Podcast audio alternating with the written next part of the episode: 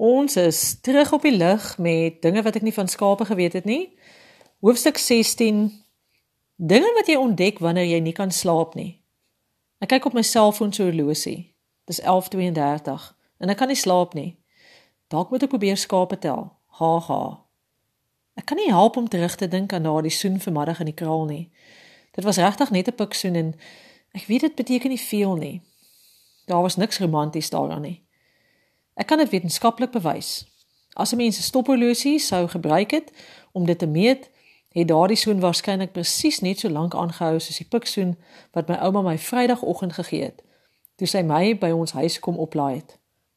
Maar toe ons Lana vroeër vanaand terug gastehuis toe gevat het, het ek nogtans saam met haar tot by die hek gestap. Dit is regtig simpel. Maar ek het gehoop dat dit weer sal gebeur. Selfs al was dit weer net 'n piksin. En selfs al het my ouma ons 10 teen 1 gesit in dophou. Malana het net vir my ouma in die Land Rover gewaai, 'n oomblik lank met daardie vreemde glimlaggie vir my gekyk en gesê, "Lekker slaap, Luan Lou."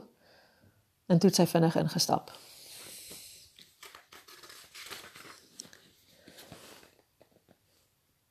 Dalk is dit die stilte se skuld dat ek nie kan slaap nie. Dis baie stil hier is in die stad.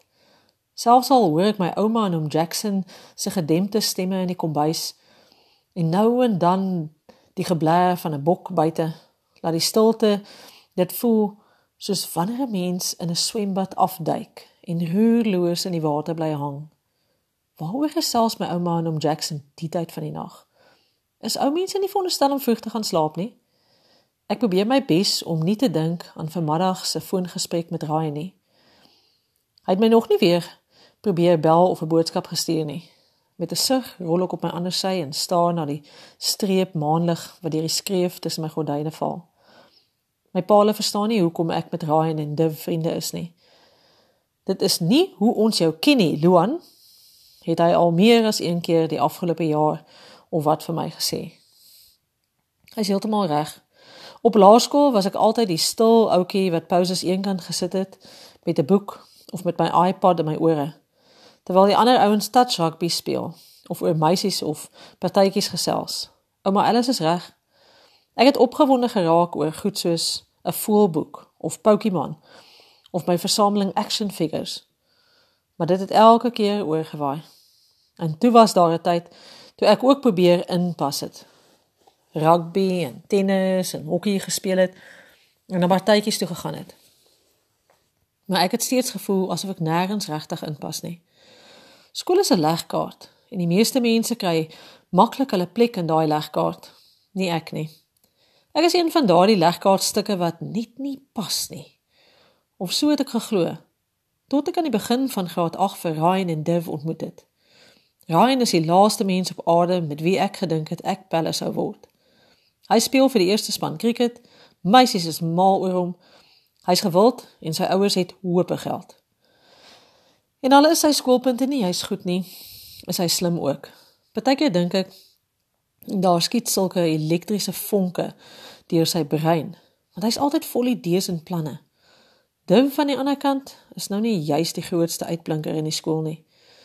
Dinge gaan rof by sy huis. Sy skoolpunte is vrot en al sy skoolklere kom van die klerebank af. Maar hy's 'n goeie ou. Soos 'n groot, loyale hond wat jou nooit in die steek sal laat nie. En ek? My pa sê ek luister te maklik na Ryan en ek doen alles wat hy sê. Dis hoekom ek deesdae so gereeld in die moeilikheid beland. Soos die keer toe ons amper die hele skool oortuig het om die snoepie te boikot omdat dit so duur is. Of die keer toe ons uitgevang is nadat ons vir Div 'n six-pack bier vir sy verjaarsdag skool toe gebring het. En dan was daar die kere toe ons nie uitgevang is nie. Soos toe ons die skoolswembad se water net voor die swemgala rooi gekleur het. Of toe ons daardie foto van die LO Onnie, meneer Visser, en die wiskunde Onnie, juffrou Meyer, op die skool se Facebookgroep gesit het onder 'n vals naam natuurlik. En teen daardie tyd het die hele skool buitendien al geweet van die stories dat Visser sy vrou met 'n wiskunde juffrou verneek. Vandat ek en Ryan en Div, vandat ek Ryan en Div ontmoet het, voel dit Vir die eerste keer asof ek iewers inpas. Ek dink nie dis iets wat my pa verstaan nie.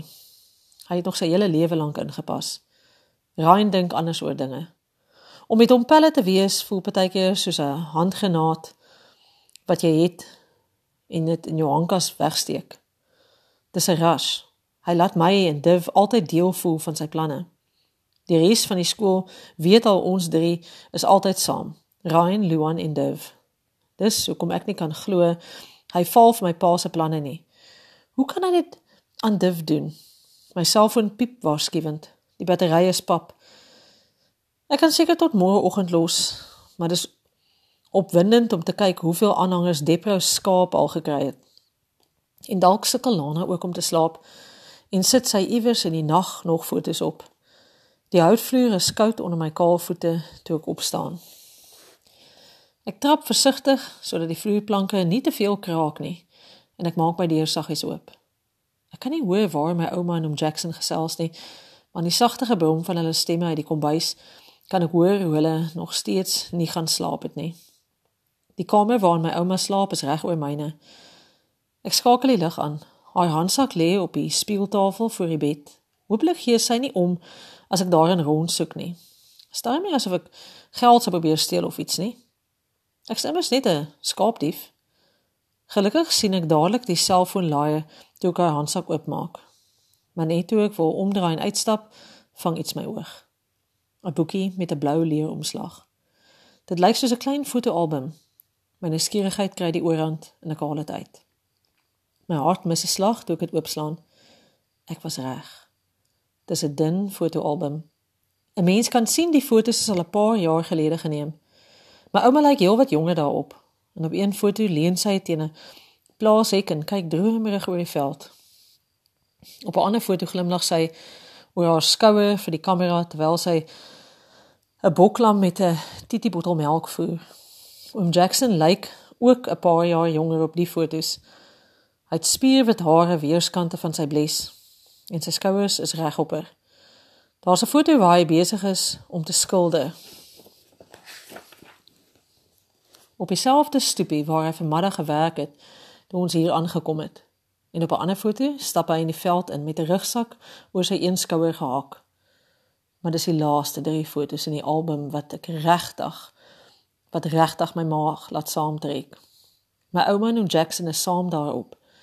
Dit lyk of my ouma die kamera met haar een hand vashou terwyl hulle die foto's met die ander hand neem. 'n Tipiese ou mens selfie. Die manier waarop sy vir hom Jackson glimlag, laat my nog meer skuldig voel omdat ek die album oopgemaak het. En op die heel laaste foto soen oom Jackson haar en haar nek en sy lag met haar kop agteroor gegooi. 'n vloerplank kraak met eens agter my. Ek wip soos ek skrik en ek swaai om. My ouma kyk na die fotoalbum in my hande. Dit is moeilik om te raai wat sy dink. Ek ek ek het die charger kom soek, sê ek verskonend. Nou die selfoonlaaier in die lug. Woordloos vat sy die fotoalbum by my. Nagloon. Toe ek uitstap, trek sy die deur agter my toe. Goed, ons is op pad einde se kant toe. Ek sien julle by hoofstuk 17.